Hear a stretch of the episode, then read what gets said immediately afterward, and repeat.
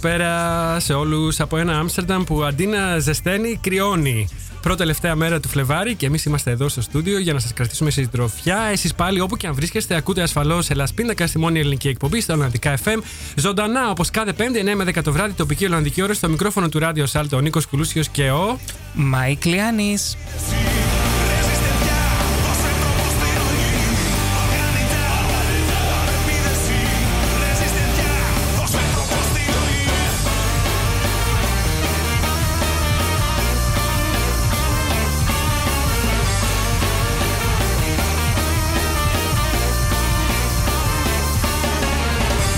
Εκπέμπουμε ζωντανά από το δημοτικό σταθμό του Άμστερνταμ. Υπάρχουν τρεις τρόποι για να μας ακούσετε live.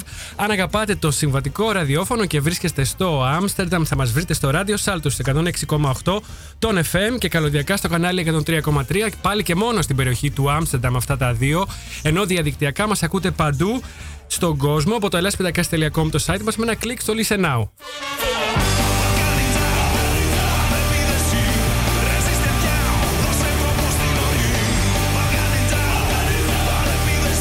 Απόψε η Νατάσα Αποφίλιου μιλά στο Ελλάς Πίντακα σε μια αποκλειστική συνέντευξη που πήραμε τηλεφωνικά και την οποία θα ακούσουμε σε δύο μέρη, ένα απόψε και ένα την ερχόμενη Πέμπτη, όπου θα κάνουμε και το διαγωνισμό μας για τις προσκλήσεις που θα δώσουμε για τη συναυλία. Στις 9 του Μάρτη η Νατάσα Αποφίλιου, ο Θέμης Καραμουρατίδης και ο Γεράσιμος Ευαγγελάτος έρχονται στο Άμστερνταμ, στο Μέλκβεχ, με την παράσταση Μονόλογος. Είναι μεγάλη η χαρά μας και η συγκίνηση που καταφέραμε να κλέψουμε έστω και 30 λεπτά από το χρόνο τη Νατάσα για να τη ρωτήσουμε και να μάθουμε τι άνθρωπος είναι, τι της αρέσει, τι τη θυμώνει, σε τι πιστεύει και τι σνομπάρει. Απολαύστε ελεύθερα Νατάσα από φίλους σε μια αποκλειστική συνέντευξη κουβέντα που εξασφάλισε για εσά το Ελλάς Πιτακάς. Αν είστε χρήστης λάτρης των social media, θα μας βρείτε σε όλα τα κοινωνικά δίκτυα. Στη σελίδα μας σε Facebook, Twitter και Instagram. Ενώ για να επικοινωνήσετε μαζί μας ζωντανά, μπείτε τώρα στη σελίδα μας στο Facebook ή γράψτε μας μέσα στο Twitter χρησιμοποιώντας το hashtag Ελασπίνακα και hashtag Bofilio Interview.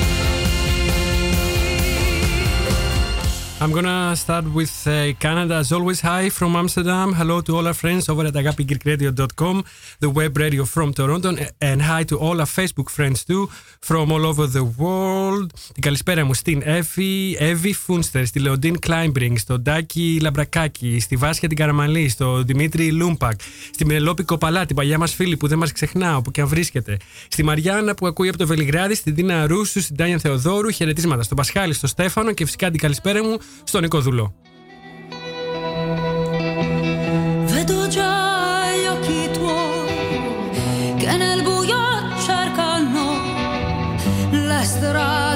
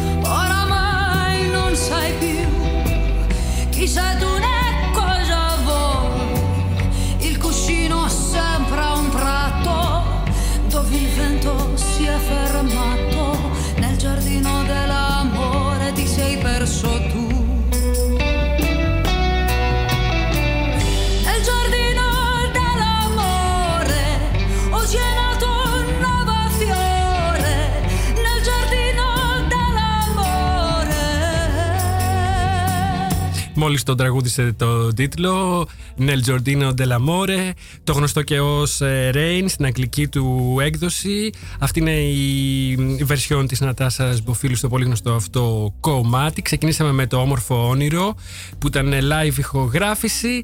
Και εγώ απλά να υπενθυμίσω ότι εκτός από την Νατάσα Μποφίλου που έρχεται στις 9 Μαρτίου στο Melkweg ε, στις 28 Μαρτίου ο Αντώνης Μαρτσάκης εμφανίζεται για πρώτη φορά στην Ολλανδία στο κριτικό γλέντι που οργανώνει η ελληνική κοινότητα Άμστερνταμ. Θα βρείτε στο facebook και στο site της ελληνικής κοινότητας όλα τα σχετικά.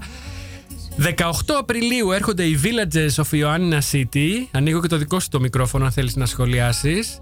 Ε, Mike. Ευχαριστώ. Ε, 18 Απριλίου Villages of Ioannina City στο Rotterdam, στο Podium Grounds. Πολύ ωραίος χώρος. 8 Μαΐου Γιάννης Κότσιρας live στο Άμστερνταμ ε, στο Melkweg. Ο Γιάννης Κότσιρας παρακαλώ πολύ. Ωραιότατα. Ναι και μάθαμε ότι έρχεται και ο Μιχάλης Χατζηγιάννης, το είπα και σας Ναι, το είπα ναι, και ναι. την προηγούμενη φορά, τον Μάιο. Έχουμε Ε, ημερομηνία. Όχι, δεν έχω ειμε- ημερομηνία, παρόλο οκ. που η Βάσο η Μεσαριτάκη μου είπε, αλλά δεν τη συγκράτησα και στο ίντερνετ δεν, κυ- δεν έχει κυκλοφορήσει ακόμα. Οκ. Ναι, Αναμένουμε. Ε, ακριβώς.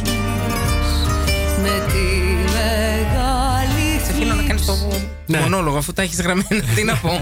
Είναι ανοιχτό και το μικρόφωνο, τέλεια. Δώσε εσύ. Λοιπόν, φίλοι και φίλες, ε, ακούμε τώρα φυσικά το δάκρυ της Νατάσας Μποφίλιου. Δεν έχει, όπως ε, έχουμε πει και στην προηγούμενη εκπομπή, δεν έχει μέτρο η αγάπη μας για την Νατάσα. Είπες και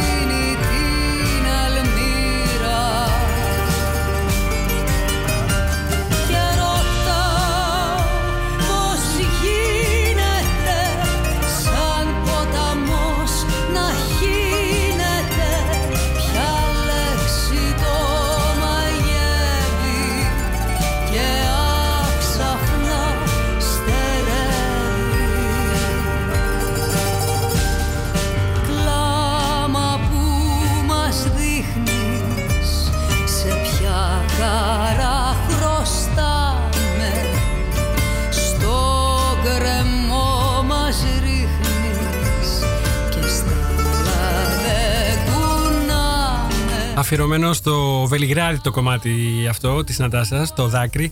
Λοιπόν, έγινε η συνέντευξη. Ε, ευχαριστούμε ιδιαίτερα τον Δημήτρη Κρανιώτη και την Arc for Art, αλλά και τη Μάγδα Γουγοβίτη για τη συνέντευξη που μας παραχώρησε η Νατάσα και ευχαριστούμε και όλους όσους εργάστηκαν για να έρθει η Νατάσα Μποφίλιου στην Ολλανδία. Ως προς τη συνέντευξη αυτή καθεαυτή, ε, Κάπως έγινε και μιλήσαμε λιγότερο για μουσική και περισσότερο για όλα τα υπόλοιπα. Μιλήσαμε για Άμστερνταμ, ε, για το ποδήλατο, για το Netflix, ε, τα ψώνια, την ποιότητα ζωής και τη σωτηρία της ψυχής. Που στην προκειμένη ήταν η ελευθερία, μια λέξη που μας απασχόλησε αρκετά και μία έννοια, η ελευθερία, καθώς ξεπηδούσε σε όποιο θέμα και αν πιάναμε, από την οικογένεια της Νατάσας μέχρι το Άμστερνταμ, αλλά και την, και την άνεση που έχει η ίδια να ακούει και να ερμηνεύει ξένη pop, hip hop, R&B.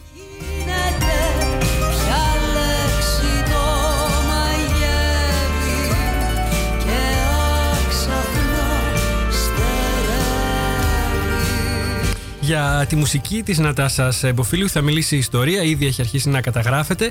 Ε, τη μισή ώρα που είχα στη διάθεσή μου όμως ήθελα να τη διαθέσω κυρίως στο να προσπαθήσω να γνωρίσω αυτή τη δυνατή προσωπικότητα πίσω από το καλλιτεχνικό έτσι, προσωπείο και πέπλο. Αυτό απαιτεί πιστεύω και η ίδια η πορεία και η στάση της ε, Μποφίλιου που δοθήσεις της ε, ωραίας ευκαιρίας απελευθερώνει γενναιόδωρα όλη τη δυναμική της προσωπικότητάς της με δηλώσεις που στέλνουν τους απαταχούς συντηρητικούς στα κάγκελα. Δεν το κάνει συχνά, τόσο όσο. Να γίνεται ποια λέξη το μαγεύει και άξαφνα στερεύει. Λοιπόν, ο χρόνος τρέχει. Πάμε να ακούσουμε το πρώτο απόσπασμα από τη συνέντευξη που κάναμε με την Νατάσα τηλεφωνικά. Κρατάει μόλις 14,5 λεπτά. Νατάσα Μποφίλιου, αποκλειστικά στο Ελλάς Πίντακας. Έχουμε στην τηλεφωνική γραμμή την Νατάσα Μποφίλιου που μας ακούει από την Αθήνα, αν δεν κάνω λάθος. Καλησπέρα από το βροχερό Άμστερνταμ. Καλησπέρα, καλησπέρα από την ε, ηλιόλουστη θα έλεγα σήμερα Αθήνα.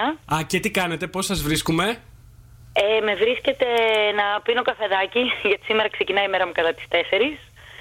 Οπότε προς το παρόν είμαι λίγο στο σπίτι, χαλαρώνω και έχω μέχρι το βράδυ μετά κυνήγι.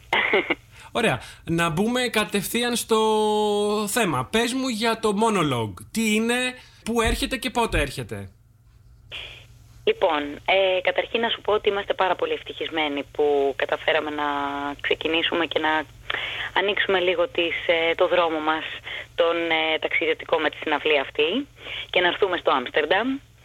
Ε, μ, είναι πολύ ωραίο να συναντήσουμε πρώτη φορά ε, τους ανθρώπους που ενδεχομένως αγαπούν τη μουσική μας ή είναι περίεργοι για αυτήν και θα, θα βρεθούν στη συναυλία.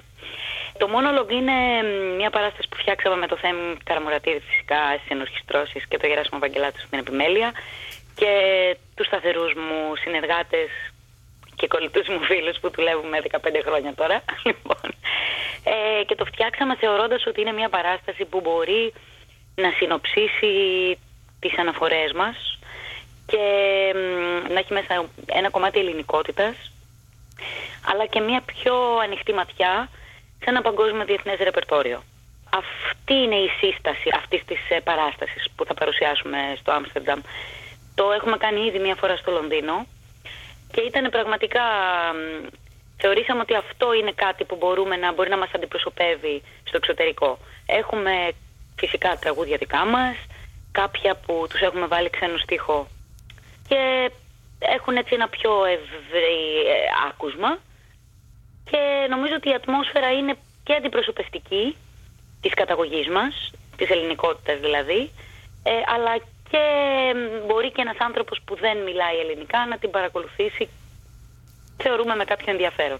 Να ρωτήσω κάτι. Τα τραγούδια που δεν είναι από την προσωπική σας δισκογραφία, πώς επιλέχθηκαν βάσει των, ε, των γούστων των δικών σας; Ναι, θέλαμε βάσει των γούστων των δικών μας και θέλαμε λίγο να, να έρχονται από όλα τα είδη που αγαπάμε. Δηλαδή και από την pop και από την... ε, έχουμε ένα γαλλικό τραγούδι, ένα ιταλικό τραγούδι, δηλαδή έχει να κάνει πολύ με το τι μας αρέσει και θεωρούμε ότι παρόλο που δεν είναι της, ε, της δικής μας γλώσσας, μας αγγίζει σαν να είναι δικό μας. Ωραία, να μην συζητήσω να, να μας αποκαλύψεις κάτι, θα τα δούμε όλα επί σκηνής. Έχεις ξανάρθει εδώ στο Άμστερνταμ ως ε, μ, τουρίστρια; Έρθει ως τουρίστας.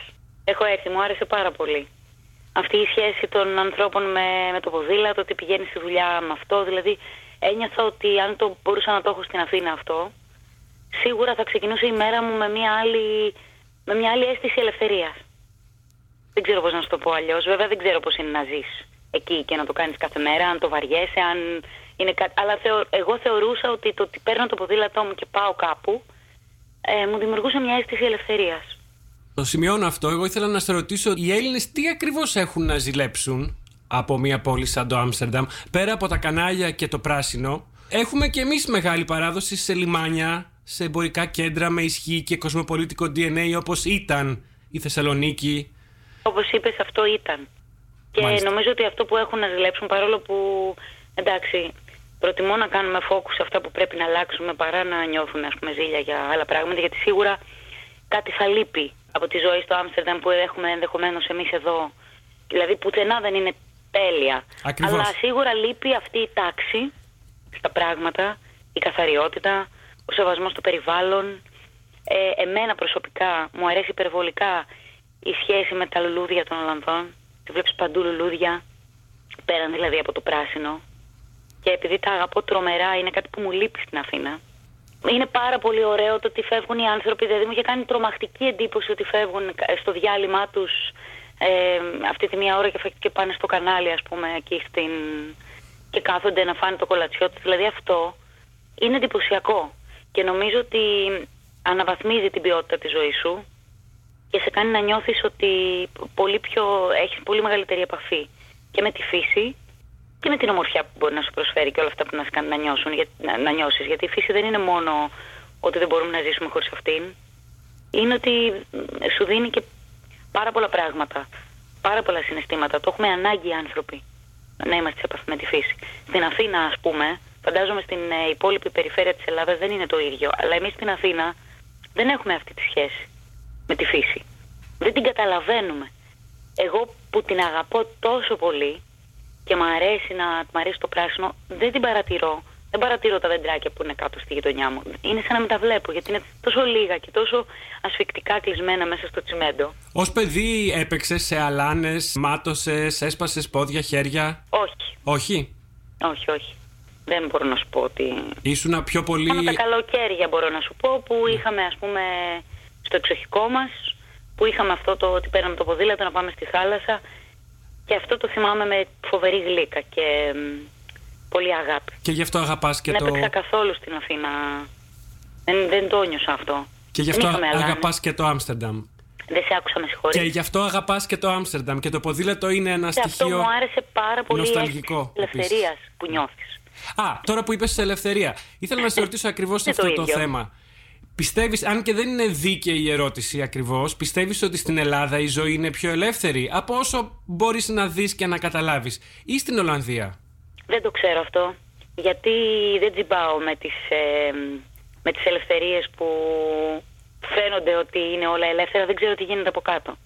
Γιατί πολλές φορές σου δίνουν μια ελευθερία και μετά αυτή την ελευθερία την αντιμετωπίζεις σε υπόλοιπους τομείς της ζωής σου σαν καθόλου ελευθερία. Δηλαδή θέλω να σου πω ότι μπορεί να έχεις ας πούμε, το δικαίωμα πια στην Ελλάδα να, να μπορείς να παντρευτείς τον σύντροφό σου ανεξαρτήτου φίλου ας πούμε με το σύμφωνο συμβίωσης. Αλλά αυτό δεν σημαίνει ότι στην εργασία σου σε αντιμετωπίζουν με την ίδια με ισότητα. Τι Άρα μετά; λοιπόν αυτή είναι μια επίπλαστη ελευθερία που στην ουσία σου απελευθερώνει ένα κομμάτι, αλλά δεν, σου- δεν σου έχει απελευθερώσει άλλα πράγματα που είναι εξίσου σημαντικά. Οπότε δεν ξέρω, πρέπει να ζήσω σε έναν τόπο για να σου πω ναι, στην Ολλανδία τα πράγματα είναι πιο ελεύθερα. Κατάλαβες τι θέλω να πω; Ναι, ναι, φυσικά. Εγώ απλώς ε, ρωτάω εδώ τους expat που φιλοξενώ στην εκπομπή, αυτούς που έχουν μεταναστεύσει και είναι κυρίως νέοι, αν και όχι μόνο. Άλλοι μου λένε ότι εδώ ζουν πιο ελεύθερα, γιατί έχουν την επιλογή να κάνουν μια καλύτερη, πιο ποιοτική ζωή, λόγω και της δουλειάς τους. Είναι δεδομένο. Και άλλοι μου λένε ότι στην, Δεδομένο. στην Ελλάδα. Ναι. Αυτό είναι μία αμφισβητήσιμο. Ότι όταν μπορείς, σε, έτσι όπως είναι οι συνθήκες οι, οι οικονομικές ε, στην Ευρώπη ας πούμε, αλλά και σε όλο τον κόσμο. Όταν μπορείς να έχεις, επειδή όλα αγοράζονται με τα χρήματα, με την έννοια ότι δεν μπορείς να ζήσεις χωρίς χρήματα, δεν γίνεται. Δεν έχουμε ένα, αναγκαστικά τα χρήματα είναι προτεραιότητα στη ζωή σου για να έχεις ε, κάποια πράγματα βασικά που επιθυμείς. Άρα όταν αυτά τα πράγματα, όταν δεν έχεις χρήματα και από την εργασία σου δεν αμείβεσαι όπως πρέπει, δεν έχεις πρόσβαση σε πράγματα που θες να κάνεις. Το οποίο μπορεί να είναι από τα πιο βασικά, την παιδεία, την υγεία, μέχρι το να μπορείς να κάνεις ένα, μια φορά το χρόνο ένα ταξίδι να ανοίξει το μυαλό σου. Σίγουρα ε, το να έχεις μια ποιότητα ζωής που, που έρχεται από τα χρήματα, από την οικονομική δυνατότητα, σου, σου, σε κάνει να νιώθεις πιο ελεύθερος. Γιατί είναι τελείως διαφορετικό να έχεις κάποια χρήματα και να πεις ότι μπορώ να πάω μια βόλτα, μπορώ να πάρω ένα έργο τέχνης που μου αρέσει, να το έχω στο σπίτι μου ένα πίνακα. Μπορεί, καταλαβαίνεις τι εννοώ, δεν εννοώ Ναι. να πάρω ένα πίνακα του Van Gogh. Ναι, ναι. Εννοώ κάτι που θα, θα δώσεις στο σπίτι σου μια ε, άλλη νότα. Μπορώ να πάρω, ας πούμε, μπορώ να πάω ένα ταξίδι, μπορώ να κάνω μια βόλτα σε μια άλλη πόλη και είναι άλλο. Να μην σε φτάνουν τα χρήματα να βγεις με τους φίλους σου μια Παρασκευή βράδυ να πας για ένα ποτό. Γιατί στην Ελλάδα τα πράγματα είναι πολύ κοντά σε αυτό. ναι. Οπότε σίγουρα η ποιότητα ζωής σε απελευθερώνει. Αλλά στις ουσιαστικές ελευθερίες του ανθρώπου, νομίζω πως αν δεν ζήσεις σε έναν τόπο δεν μπορείς να πεις αν είναι πραγματικά ελεύθερος, να είναι ο εαυτός του, να διαμορφώνει τη ζωή του έτσι όπως την επιθυμεί.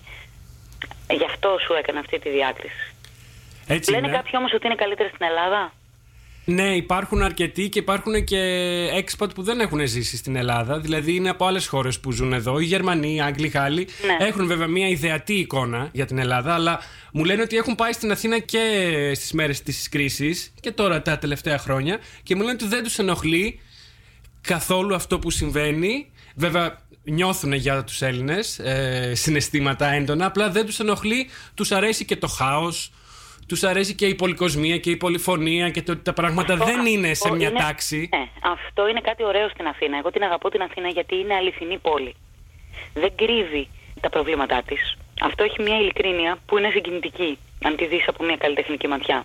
Δηλαδή το ότι, για παράδειγμα, θα πας σε μια άλλη πρωτεύουσα και μπορεί, ας πούμε, να έχει άστεγους, δυστυχισμένους και να τους έχει κρυμμένους και το ιστορικό της κέντρο ας πούμε, να- για τους τουρίστες να είναι μια κούκλα και να μην ξέρεις τι γίνεται από πίσω. Εμένα μου αρέσει που η, Α- η Αθήνα δεν το κρύβει αυτό. Είναι ειλικρινής πόλη. Επίσης είναι τρομερά γοητευτικό για αυτούς τους ανθρώπους ότι είναι μια πόλη που ζει ασταμάτητα. Ό,τι ώρα και αν πας, τρεις το, τη νύχτα, ε, τέσσερις το πρωί, είναι πάντα ε, ζωντανή. Ναι, εδώ είναι δεν φοβερά έχει. γοητευτικό. Εδώ δεν έχει τέτοια. Ναι, Ούτε αλλά καν η στο ζωή- Άμστερνταμ. Ναι. Αυτό είναι κάτι πολύ όμορφο, αλλά η πραγματική ζωή που ζουν οι Αθηναίοι έχει, είναι σε πολλά επίπεδα πάρα πολύ δύσκολα. Ειδικά οι Βεβαίως. Αθηναίοι που δεν μπορούν να... Οι οικονομικές απολαβές που έχουν είναι αυτές οι ελεηνές οικονομικές απολαβές που έχει αποφασίσει το κράτος να, να δίνει. Θα πάμε και εκεί. Ήθελα να σε ρωτήσω ένα πράγμα μόνο από τα, μ, από τα μικρά σου που λένε. Έλεγες σε μια συνέντευξή σου, ανέκαθεν ήμουν από τα κορίτσια που δεν είχαν όνειρο να παντρευτούν και να κάνουν παιδιά. Και ήθελα να σε ρωτήσω αυτή την ελευθερία που βγάζει αυτή η φράση. Ιδίως σε σχέση με την επιλογή να μην νιώθετε ότι πρέπει να κάνετε ή να μην είναι το όνειρό σας να κάνεις παιδιά και οικογένεια. Αυτή την ελευθερία από πού τη διδάχθηκες, από πού πηγάζει; Νομίζω ότι έχω μεγαλώσει σε ένα σπίτι πάρα πολύ άνετο. Επί της ουσίας με κάποια πράγματα. Δηλαδή και ακόμη και σε αυτά που διαφωνώ με τους, γο- θα μπορούσα να διαφωνώ με τους γονείς μου ε, ή ας πούμε να θέλουν να... Ας πούμε τώρα έχουν... Ξέρεις, είναι στη φάση... Δεν πρέπει να κάνεις ένα παιδί... Θα το θες αύριο, αλλά παρόλα αυτά μόλις τους λέω κόφτε το τώρα. Τελειώσαμε. Φιλιά πολλά, το σέβονται. Ό,τι και αν αποφασίσω το, το, το σέβονται. Ναι. Οπότε επειδή μεγάλωσα νομίζω έτσι, με αυτή την άνεση, μπορούσα πάντα να τους πω αυτό που σκέφτομαι. Δεν, ε, γι' αυτό το λόγο μ, μπορούσα να ονειρευτώ τη ζωή μου όπως την, ε, τη θέλω. Και επειδή και λόγω της δουλειάς που κάνουμε, που είναι μια δουλειά σε- σε διαρκή κίνηση, δεν έχει ρουτίνα. Παρόλο που εγώ την αγαπώ τη ρουτίνα και θα την ήθελα να σου πω την αλήθεια, η δουλειά μας δεν έχει καθόλου ρουτίνα. Ε, αυτό σου δίνει μια δυνατότητα και μια ελευθερία να μην θεωρήσεις ότι... Να, καταρχήν να μην καταλάβεις πως ε, τα χρόνια προχωρούν. Να μην αισθανθείς δηλαδή πάρα πολύ γρήγορα ή πολύ εύκολα ότι ε, δεν έχω κάνει κάποια πράγματα που, που πρέπει να κάνω. Αυτή η διαρκής κίνηση ε, είναι απελευθερωτική. Οπότε μ, και σε συνδυασμό με το ότι η οικογένειά μου δεν μου το είχε βάλει αυτό καθόλου στο μυαλό, νομίζω ότι έκανα την επιλογή ας πούμε, να παντρευτώ τον σύντροφό μου γιατί ήθελα. Όχι γιατί έπρεπε, ούτε γιατί το είχα όνειρο, γιατί εκείνη τη στιγμή θέλαμε να κάνουμε ένα μεγάλο πάρτι που θα αναγκαστούν όλοι οι φίλοι μας να είναι παρόντες. Ναι. Οπότε μ, έχει να κάνει και με την οικογένεια, έχει να κάνει και με τον τρόπο που έχω επιλέξει να ζω. Και με το ότι ήταν μια μεγάλη οικογένεια και αυτό παίζει ένα ρόλο. Δηλαδή, Ήσασταν νομίζω πέντε; Ήσασταν Είμαστε πενταμελής πολύ, ναι, Είμαστε πέντε οικογένεια. αδέρφια, αλλά είμαστε παραπάνω. Γιατί Παραπάνω. έχω μεγαλώσει με τις γιαγιάδες μου, τον παππού μου, τον θείο μου, τη θεία μου. Ήμασταν εντεκαμελής η οικογένεια και ζούσαμε όλοι μαζί. Το ότι ζούσατε όλοι μαζί, εκεί ήθελα να καταλήξω. Ε, Νοβιακά, χίπηδες. ναι, δεν υπήρχε καμία ιδιοτέλεια δηλαδή; Όλα τα μοιραζόσασταν; Ναι, προσπαθούσαμε και προσπαθούμε να μην ε, υπάρχει αυτή η λέξη στην, ε, στην οικογένεια. Δηλαδή νομίζω ότι αυτό που μας χαρακτηρίζει και είναι ο- η προσπάθεια να είμαστε ανιδιοτελείς. Και νομίζω γι' αυτό και, θε- και θεωρώ κιόλας ότι είμαστε μ, μια έτσι ομάδα ανθρώπων που εξελίσσεται με τα χρόνια. Και μπορώ να πω γίνεται καλύτερη. Και είναι και το μεγαλύτερό μου μάθημα τόσες φορές ε, μ, βαριέμαι να κάνω κάτι καλύτερο ή ε, έχω μια τάση να πω έλα μωρέ δεν βαριέσαι πάντα σκέφτομαι ότι έχω μεγαλώσει σε ένα σπίτι που προσπαθεί να γίνει καλύτερο και έχει περάσει πάρα πολλές δυσκολίες για να γίνει καλύτερο και έχει ξεπεράσει κάποια πράγματα πάρα πολύ δύσκολα οπότε το παίρνω, είναι έμπνευση για μένα. Είναι και ευθύνη, το νιώθεις και σαν ευθύνη; Ναι. ναι, το νιώθω σαν ευθύνη. Αυτό δεν είναι καλό, αλλά πολλές φορές το νιώθω. Μάλιστα. Δηλαδή νιώθω ότι έχω μια υποχρέωση να Μάλιστα. σταθώ στο, σε αυτό που θεωρώ ας πούμε ύψος της περίστασης. Δούλεψε ο κομμουνισμός στην πράξη; Στην Δούλεψε. οικογένεια, ναι. Ναι. Προσπαθήσαμε. Ε, Μάλιστα. Επέτυχε. Πάρα πολύ Είμαστε ενδιαφέρον. μικρότερο γκρουπ γι' αυτό. Φυσικά, Πιο φυσικά. εύκολο στους λιγο, στο λιγότερο αριθμό.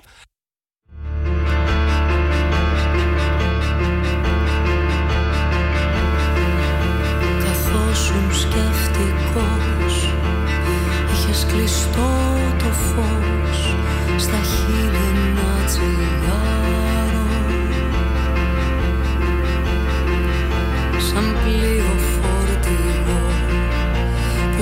Που βγαίνει μ' οδηγό Ένας σβησμένο φάρος.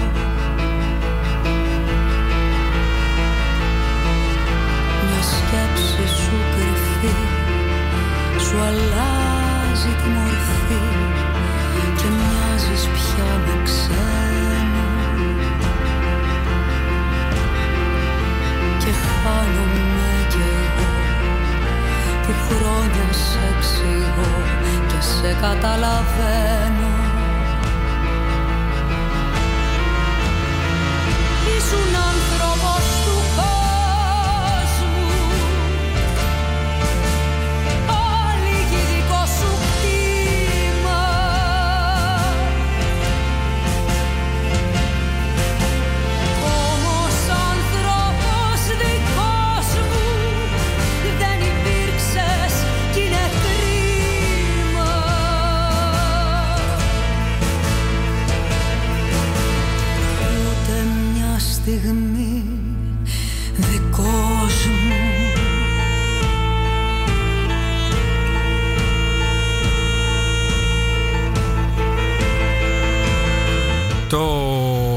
κομμάτι λέγεται «Άνθρωπος του κόσμου» και έτσι σε αυτό το πρώτο μέρος της συνέντευξης μπήκαμε καταρχήν ε, κατευθείαν ε, στο θέμα. Μιλήσαμε για, για το πρόγραμμα της συναυλίας εδώ στο Άμστερνταμ στο Melkweg 9 του Μάρτη που μας, και μας είπε ότι θα έχει και ένα καθαρά ελληνικό κομμάτι Μάλιστα. αλλά και ένα κομμάτι με τραγούδια που θα συνοψίζουν τις αναφορές των τριών Μποφίλου, Καραμουρατίδη, Ευαγγελάτου δηλαδή από που ποιες είναι οι αφιτηρίες τους, τα ακούσματά ναι. τους, οι αναφορές τους, κομμάτια που τους αρέσουν, που τους σημάδεψαν, που...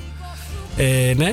Και επίσης ε, θα έχει και ένα κομμάτι που θα έχει μια πιο ανοιχτή ματιά, ματιά προς ένα πιο διεθνές, ένα παγκόσμιο όπως είπε ρεπερτόριο. Δηλαδή ξένα κομμάτια για να το πούμε Ναι, ναι, ναι, απλά. Ναι. Ε, Μας νομίζω- αποκάλυψε ότι θα πει ένα κομμάτι η Ριάννα ή νομίζω θα το πει λίγο πιο μετά στην συνέντευξη. Ναι, δεν την είπε ακόμα τη Ριάννα. Ε, Θα το πει λίγο πιο μετά. Εγώ τώρα, ε, spoiler, spoiler. ναι, ναι, ναι. Ε, νομίζω είπε εδώ στο πρω... ε, ότι Είπε θα στο πει πρώτο κάτι κομμάτι στο- ότι θα στα πει Ιταλικά. ένα Ιταλικό και ένα Γαλλικό. Ωραία. Ήδη αναφέραμε αυτά τα δύο. Δεν έχουμε πει πια. Πάρα πολύ. Όχι, δεν, δεν θα πούμε. Είναι έκπληξη. Ε, μ, να βάλω και το επόμενο κομμάτι γιατί τελειώνει αυτό. Ε, λοιπόν, μιλήσαμε για το Άμστερνταμ. Μας είπε για την αγάπη της για το ποδήλατο, για την ποιότητα ζωής που βρίσκει ότι υπάρχει εδώ. Τη ρώτησα πού είναι η ζωή πιο ελεύθερη και μας έδωσε μια έτσι ακριβωδίκια απάντηση. Λίγο Ε, safe απάντηση όμως. Ναι, γιατί όμως δεν μπορεί να γνωρίζει και δεν μπορεί και να συγκρίνει. Ναι, Δηλαδή, σαν την τουρίστας έριξα- δεν βλέπεις την πόλη Ναι, όπως τη βλέπουμε Αυτό εμείς. ακριβώς είπε. Ε, και μίλησε και για τις ουσιαστικές ελευθερίες που δεν τις βλέπεις αν δεν ζήσεις εδώ. Ε, από την άλλη είπε, είπε ότι η Αθήνα της αρέσει γιατί είναι μια πόλη που δεν κρύβει τα προβλήματά της και έχει ζωή όλο το 24ωρο. Και αυτό είναι μεγάλη αλήθεια να πω. Και αυτό αρέσει, αυτά τα δύο και τα δύο αρέσουν και στους ξένους. Ακριβώς. Ότι και δεν κρύβει τα προβλήματά της, δηλαδή και το χαχ και το κυκλοφοριακό είναι μέρος τε- τε- Εμ. Του τι είναι η Αθήνα. Εμένα η ωρίτσα που ήμουν στο αυτοκίνητο στην Αθήνα μου άρεσε πάρα πολύ να πω την αλήθεια. Ναι, μας μας αρέσει γιατί εντάξει, δεν, όταν είμαστε εκεί δεν έχουμε δουλειές. Καφέ, ραδιόφωνο. Και ακόμα και η κίνηση, ας πούμε, μας φαίνεται Ναι, κάτι το. δεν μπορώ ναι. να πάω ούτε μπροστά ούτε πίσω. Θα κάτσω εκεί. Ακριβώς. Αν δεν μπορείς να το αποφύγεις, απόλαυσέ το. Και τη ρώτησα και για την οικογένειά της. Ναι. Έτσι κλείνει αυτό το πρώτο μέρος της συνέντευξης.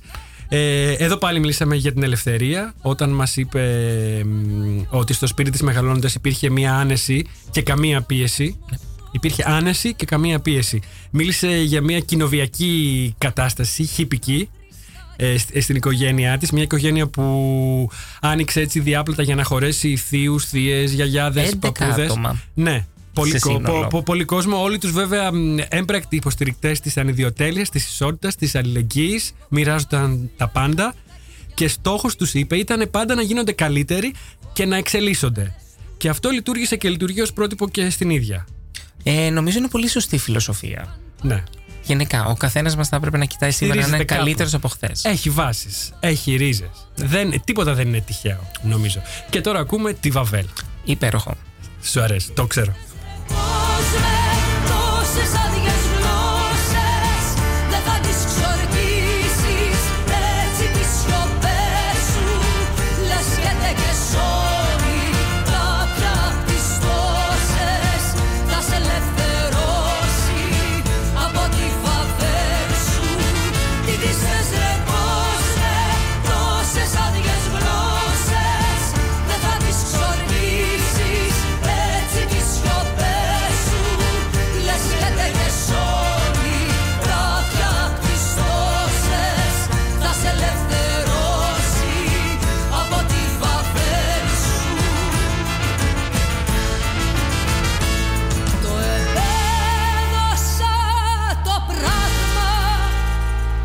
σιωπή μας. Είναι τραύμα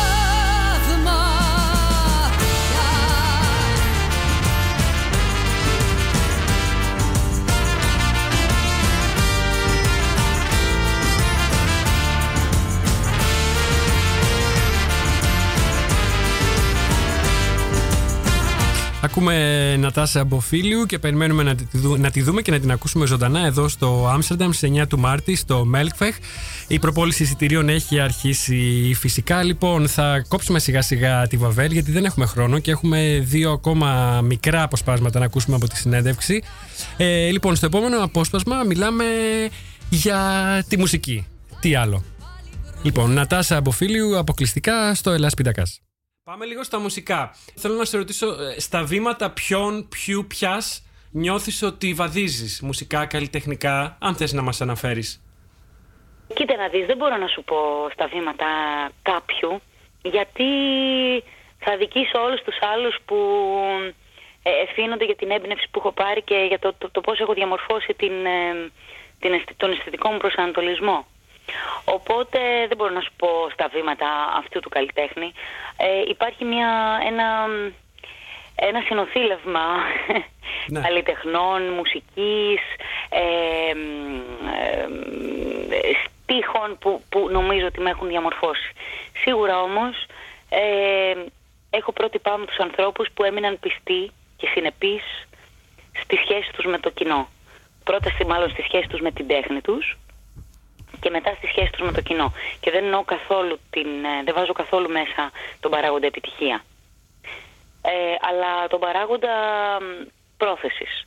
Ε, αυτοί οι καλλιτέχνες είναι τα πρότυπά μου. Οι καλλιτέχνες που είχαν συνέπεια να βγάζουν μουσική που βγαίνει από την ψυχή τους και δεν μπορούν να κάνουν αλλιώς.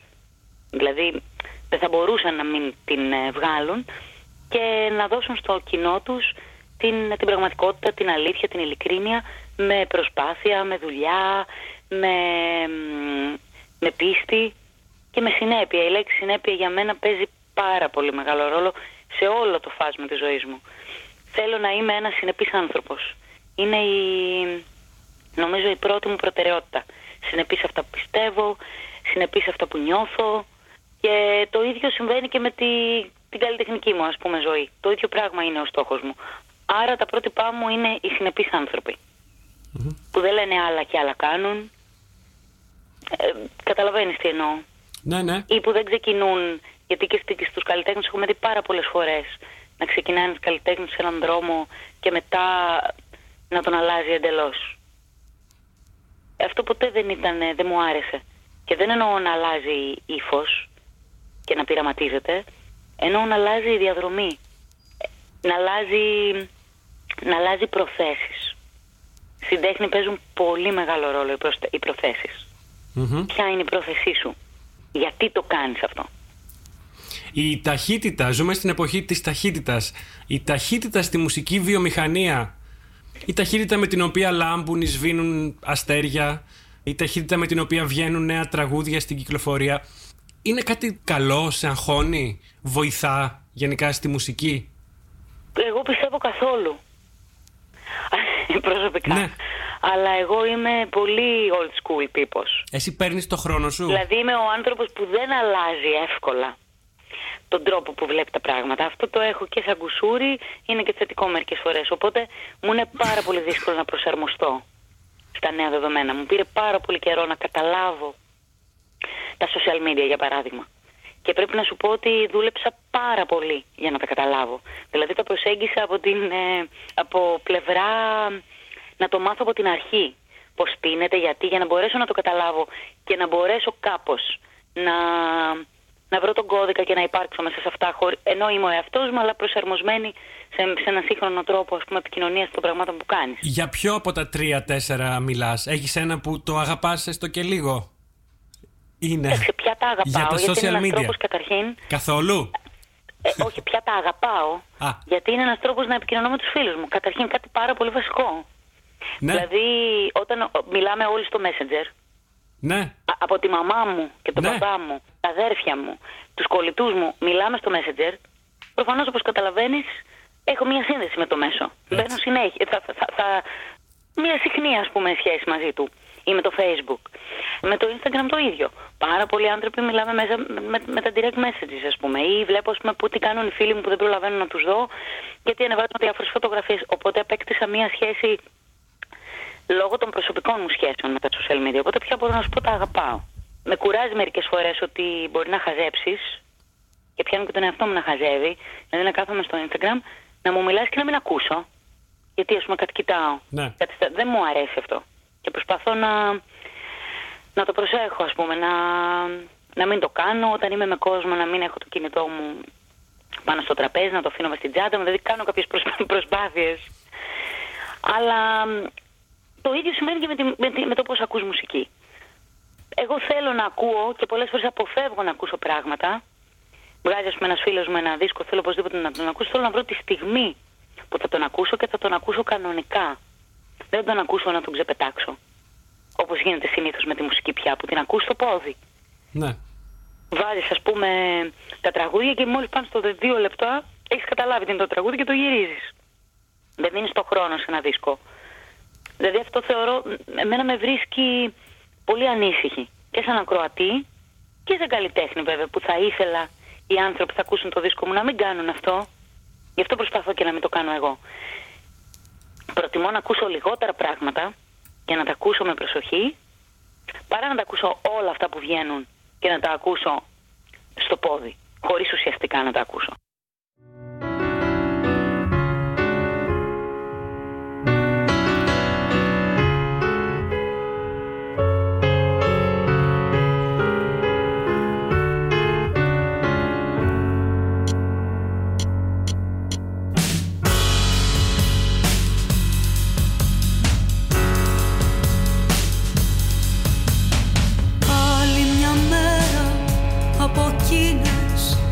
αυθείας που δεν μιλά ελληνικά κάτι σπουδαίο.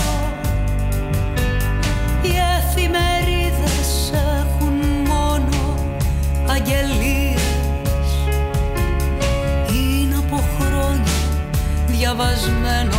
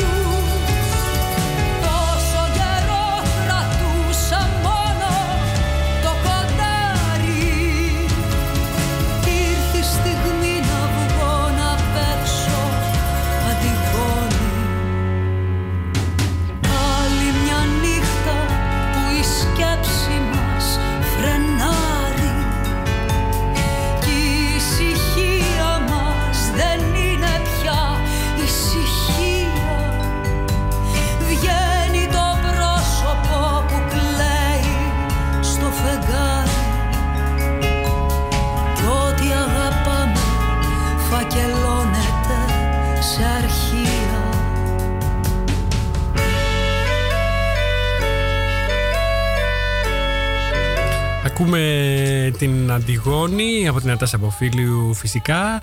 Λοιπόν, σε αυτό το δεύτερο μέρος της συνέντευξης που ακούσαμε μιλήσαμε για μουσική. Ως πρότυπα είπε στη μουσική, στην τέχνη της έχει όσους μείνανε πιστοί και συνεπείς ε, στη σχέση τους με το κοινό και στη μουσική τους. Ονόματα δεν είπε φυσικά και δεν χρειάστηκε. Δεν υπάρχει λόγος νομίζω. Ε, τα λέει όλα νομίζω όμως το όσοι δεν πρόδωσαν την τέχνη και το κοινό τους. Αυτό νομίζω μεγάλη. αυτό Όποιος είναι- κατάλαβε, κατάλαβε, Ναι, τέλος πάντων. Μεγάλη καλλιτέχνη. Ναι, α, ναι. Με δύο λέξεις. Ναι. Ε, στην τέχνη είπε παίζουν πολύ μεγάλο ρόλο οι προθέσεις, το τι πραγματικά επιδιώκει κανείς με αυτό που κάνει. ναι. Ε, και μιλήσαμε και για τα social media. Είπε τη πήρε καιρό να τα καταλάβει, τώρα όμως τα αγαπάει. Ε, όλη Γιατί- την ώρα στο Messenger. Ποια ήταν η ναι, φράση; ναι, τα χρησιμοποιεί ναι, στο Messenger, το είπε. Όλοι μας. Ε, για να μιλήσει με οικογένεια, φίλους και επίσης τα χρησιμοποιεί για, για να παρακολουθεί τι κάνουν οι φίλοι της. Αυτοί μάλλον που είναι μακριά, ίσως που δεν Ναι. του βλέπει συχνά. Ε, μ, της- και είπε όμως ότι δεν της αρέσει να χαζεύει. Αυτό που παθαίνουμε όλοι, που αποβλακωνόμαστε, Ναι. που κολλάμε. Ε, μ, και για τη μουσική είπε ότι δεν της αρέσει που ακούμε πλέον μουσική στο πόδι. Αυτή η ταχύτητα που μας κάνει να ακούμε δύο λεπτά και να το αλλάζουμε, να Ναι, κάνουμε ναι, skip skip στο, στο Το επόμενο. τραγούδι είναι 4 κομμάτι. λεπτά και ακούμε 1,5 με 2. Ακριβώς. Πιστέψαμε έχουν γίνει ο εχθρός μας και οι αγαπημένες περιτές μας ασχολίες έχουν γίνει η τροφή του τέρατος μας. Λοιπόν, αυτή ήταν η Αντιγόνη και τώρα θα περάσουμε στο τρίτο μέρος της συνέντευξης. Είναι πολύ μικρό, είναι 4 με 5 λεπτά, θα είναι και το τελευταίο για απόψε. Ε, τη ρωτάω τι άνθρωπος είναι. Για να ακούσουμε τι μας είπε. Τι άνθρωπος είσαι Νατάσα, είσαι νευρικός ε, χαρακτήρας ή είσαι χαλαρός; Όχι καλέ, Χαλαρή. τι χαλαρός. Νευρική είσαι, Ε, βέβαια. γι' αυτό καπνίζεις Ε, και το τσιγάρα ακριβώς βαριά. Είσαι το, το χαλαρός σε όλα τα επίπεδα. τι είσαι ηρεμή οπότε; Ε, μ, με ηρεμή αυτές οι δύο ώρες που έχω το, πρωί, το μεσημέρι, ας πούμε, γιατί δεν ξυπνάω πρωί, ξυπνάω κατά τις 12. Ε, αυτές οι δύο ώρες συνήθως που είμαι στο σπίτι, θα κάνω γυμναστική Σου τη πήρα ρε γαμότο. και τον Συγγνώμη. καφέ μου. Όχι, όχι, είναι δύο η ώρα. Α, Εκεί ωραία. εγώ τις έχω προλάβει. Και σήμερα σου λέω, ξεκινάω λίγο αργά τη μέρα μου, οπότε Ε, που θα κάνω τη γυμναστική μου θα... και μετά θα κάτσω καμιά ώρα να πιω τον καφέ μου, να ράξω, να χαζέψω, να ετοιμάσω την επό... να, να μιλήσω με τι θα γίνει τις επόμενες ε, ώρες και αυτά, να οργανώσω το πρόγραμμά μου. Αυτό είναι η ώρα που με χαλαρώνει και το βράδυ όταν θα γυρίσω στο σπίτι και θα κάτσω με τον άντρα μου να φάμε, να τα πούμε, να πούμε για τη μέρα μας, να δούμε Netflix. Είμαστε όλοι καμένοι με το Netflix. Ε, είμαστε, είμαστε. Πώς έρχονται, θα το είδες, κάνουμε; έρχεται, έρχονται σαν επιδημία στη ζωή μας. Μα είναι και οι σειρές και οι Ναι. ταινίες. Είναι η μία καλύτερη από την άλλη. Ναι, είναι φοβερό ρε εσύ. Είναι φοβερό πραγματικά. Και βλέπεις και υπέροχα πράγματα. Δηλαδή, Θα μας αποκαλύψεις Ε, λίγο από ό,τι βλέπεις. καλλιτεχνικά. Τι είδες χθες το βράδυ, ας πούμε, θα μας πεις; Ή προχθές; το βράδυ, επειδή είχε έρθει ένας φίλος μας στο σπίτι και κάτσαμε μέχρι αργά, δεν είδαμε... Έχουμε τις χαλαρές σειρές που τις βλέπουμε, ξέρω, κανένα μισάωρο. Ναι. Τώρα βλέπουμε φιλαράκια ξανά. ξανά για άλλη μια φορά. Κάνα μισάωρο και τέτοια. Ναι, ναι. Αυτά είναι τα χαλαρά. Εγώ βλέπω το Suits, Α, αυτό Λιώνω που να είναι. γιατί το τελείωσε βρήκα στο βέβαια. Netflix, επειδή ξέρεις, βλέπω αυτά που έχουν μεγάλη σεζόν, γιατί τα βλέπω κάθε βράδυ για λίγο να κοιμηθώ. Αλλά τελευταία σειρά που είδαμε, ολοκληρωμένη, Ναι. ήταν το. Ε, αχ, το Queen Elizabeth. Πώς λέ- το Crown. Η- το The Crown, ναι, ναι, ναι. Και τα δύο ήταν Με τώρα να επίση. βγουν ε, τα καινο- καινούργια επεισόδια από τις άλλες που βλέπουμε. Το ένα Εγώ καλύτερο. είμαι, από το άλλο. ορκίζομαι στο. τε- Τρελαινόμουν για το House of Cards.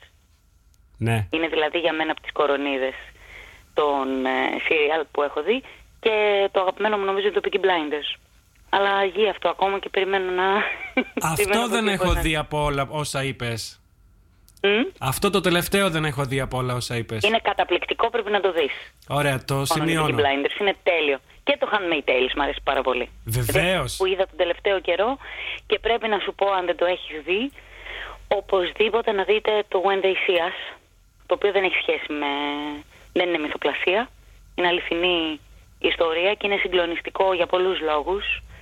Ε, ιδεολογικούς, ε, πολιτικούς, ιστορικούς, να το δει κάποιος. Είναι μια εκπληκτική σειρά από, νομίζω είναι τέσσερα επεισόδια ή έξι, δεν θυμάμαι.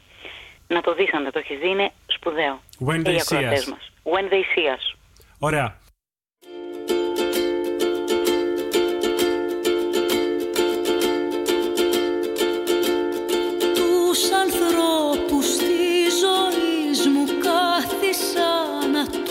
Μετρήσω Τους παρόντες, τους απόντες, κάνα δυο περαστικούς Όσους ήρθαν για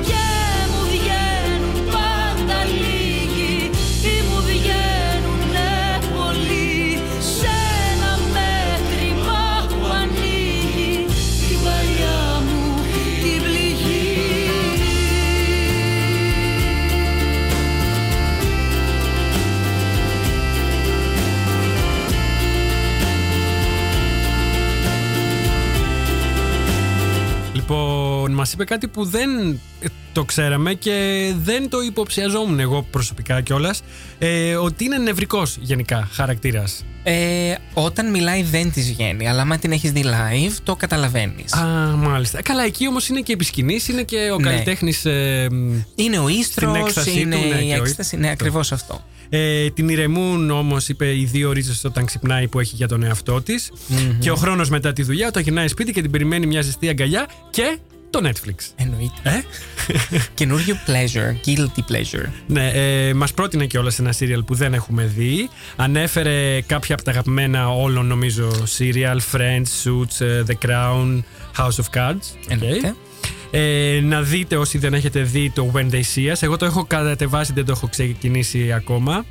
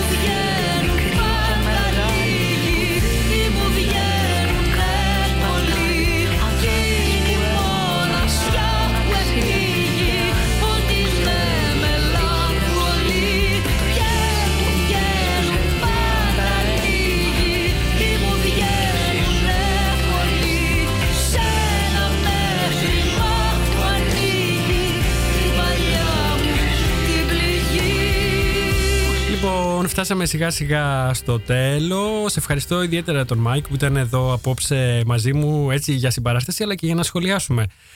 Τα... Σας ευχαριστώ που με είχατε πάλι. τα, όσα, τα όσα ωραία. Ε, έχουμε γίνει παρέα Έκανε, πλέον. ναι. Έχουμε γίνει ομάδα σχεδόν. Χαρά μου. Ε, και σχολιάσαμε παρέα και τα όσα ωραία μας είπε η Νατάσα. Την ερχόμενη Πέμπτη θα ακούσουμε και το υπόλοιπο της συνέντευξης όπου μιλήσαμε για καψουροτράγουδα.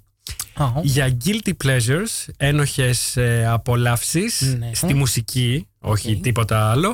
για ξένη μουσική μιλήσαμε, για shopping, ψώνια δηλαδή, για μόδα, για τα τραγούδια της και τις αναφορές τους, για τον παππού της που ήταν κουλουράς, ω.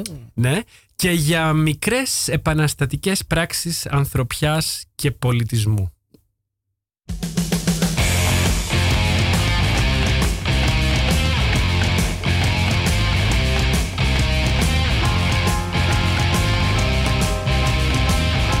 Και για την πίστη στο Θεό, τη ρώτησα. Α, Και αυτό θέλω να το Αυτό ακούσω. θα το ακούσουμε ναι, την επόμενη Πέμπτη. γύρω της γης έλειπες για καιρό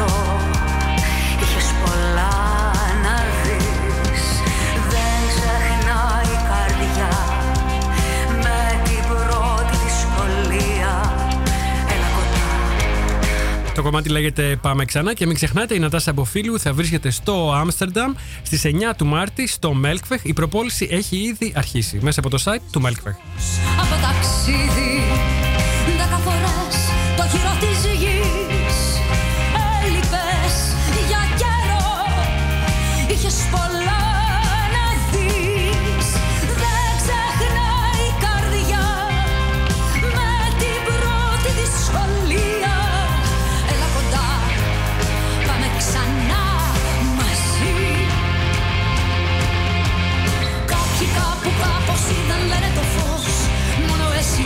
έχεις τον τρόπο Έλα δείξε μου πώς. Πάμε ξανά Τώρα θα είναι αλλιώς. Υπάρχει χρόνος Κάποιοι κάπου κάπως Σε μια άλλη ζωή. Ήρθαν πολλοί Κανείς τους όμως δεν φυλάει όπως εσύ. Πιάσε το χέρι μου και γίνε Της ψυχής μου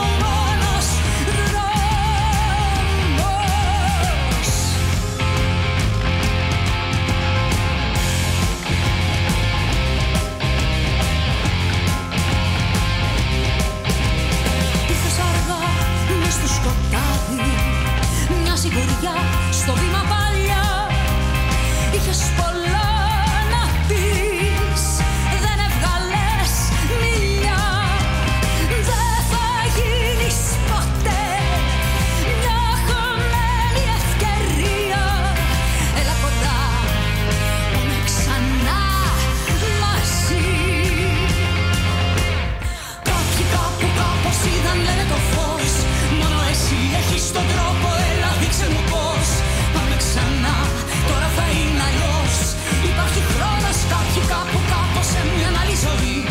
Εμείς κάπου εδώ σας λέμε Who Enough και ανανεώνουμε το ραντεβού μας για την επόμενη Πέμπτη, πάντα σε 9 το βράδυ, τοπική ώρα από το ράδιο Σάλτο. Μας ακούτε και σε αναμετάδοση κάθε μέρα στη 1 το μεσημέρι από το αγάπη greekradio.com, το web radio από το Toronto του Καναδά. Ακολουθεί η εκπομπή Finger Popping Soul εδώ στο ράδιο Σάλτο. Μέχρι την επόμενη Πέμπτη, μπείτε στο helaspintakas.com για να ακούσετε παλιότερες εκπομπές. Να είστε καλά και να περνάτε ακόμα καλύτερα. Καλό Παρασκευό Σαββατοκύριακο σε όλους. Το Tfolkende Care. Ντουντουι. Ντούι.